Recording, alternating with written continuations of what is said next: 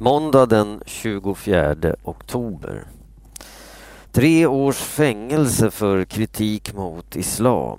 Egyptens folk störtade nyligen diktatorn Mubarak men friheten för folk att säga vad de tycker är fortfarande mycket liten.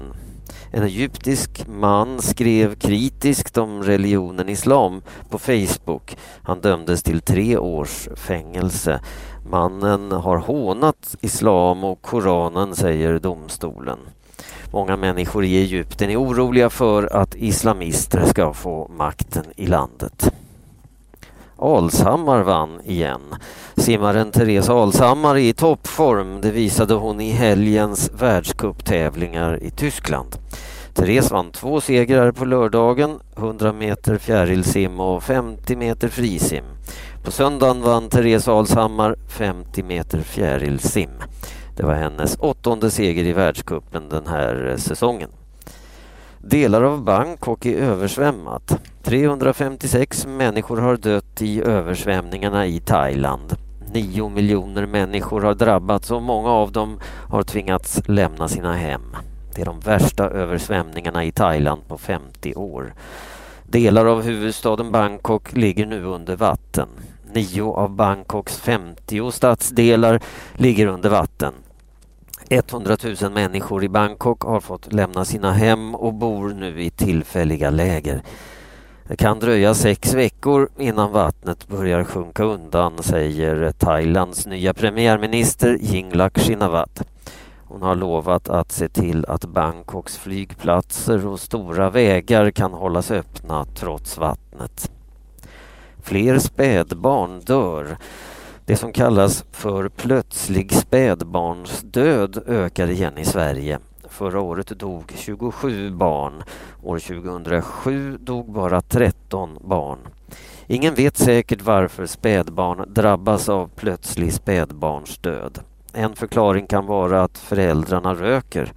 Kanske ökar nu spädbarnsdöden för att fler unga mammor röker. Vi vet att rökningen ökar väldigt mycket bland unga kvinnor och rökning ökar risken för plötslig spädbarnsdöd. Det säger Miriam Katz Salamon på Karolinska sjukhuset. Andra råd är att lägga spädbarn på rygg, inte för varmt och i en egen säng. Flicka dog i olycka på kyrkogård. En åttaårig flicka dog i en olycka på Bollebygds kyrkogård i trakten av Härryda på söndagen. Det var en tung gravsten som välte över flickan. Flickan kördes till Södra Älvsborgs sjukhus i Borås men läkarna kunde inte rädda hennes liv. Fusk och sexhandel i massagesalonger. Polisen och Skatteverket hårdbevakar nu massagesalonger i hela Sverige. De tror att många av massagesalongerna är bordeller där kvinnor säljer sex. Salongerna misstänks också för fusk med skatter. Antalet massagesalonger har ökat snabbt den senaste tiden. Idag finns nära 200 thaimassagesalonger bara i Stockholm. Första fria valet i Tunisien. I vintras störtades eh, Tunisiens diktator Ben Ali. Efter 23 år vid makten tvingades han fly utomlands. På söndagen hölls det första fria valet i Tunisien.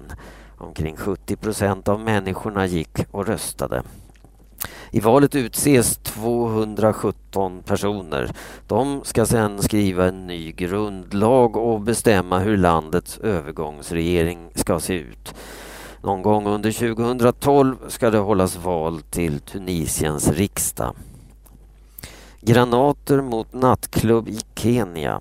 En nattklubb i Kenias huvudstad Nairobi attackerades på söndagen med granater.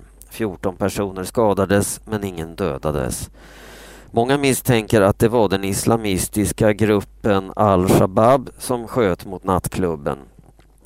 För en vecka sedan gick soldater från Kenya in i Somalia för att kriga mot al-Shabab. Anfallet mot nattklubben kan vara en hämnd från al-Shabab. Maria PH nära pallen i storslalom. Maria Pietele Holmner blev femma i årets första tävling i världskuppen i storslalom. Hon var bara en halv sekund från prispallen. Det känns skitbra. Det här visar att jag är på rätt väg, sa Maria efter tävlingen. Jessica Lindell Vikarby lyckades också mycket bra. Hon kom på åttonde plats. För Anja Persson gick det sämre. Hon gjorde en grov miss i första åket och förlorade mycket tid. Anja kom på tjugonde plats. Lindsey Vonn från USA vann tävlingen. André Myhrer blev bäste svensk med en femtonde plats i herrarnas storslalom. Tusen kan ha dött i jordskalv i Turkiet. Det var ett kraftigt jordskalv i Turkiet i helgen. Många hus rasade samman och mellan 500 och 1000 människor kan ha dödats. Skalvet hände i området kring staden Van, nära gränsen mot Iran.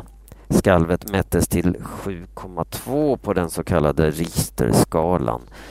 Vi har många döda och skadade men vi har inga ambulanser och bara ett sjukhus, säger Sulfukar Arapoglu som är borgmästare i staden Van.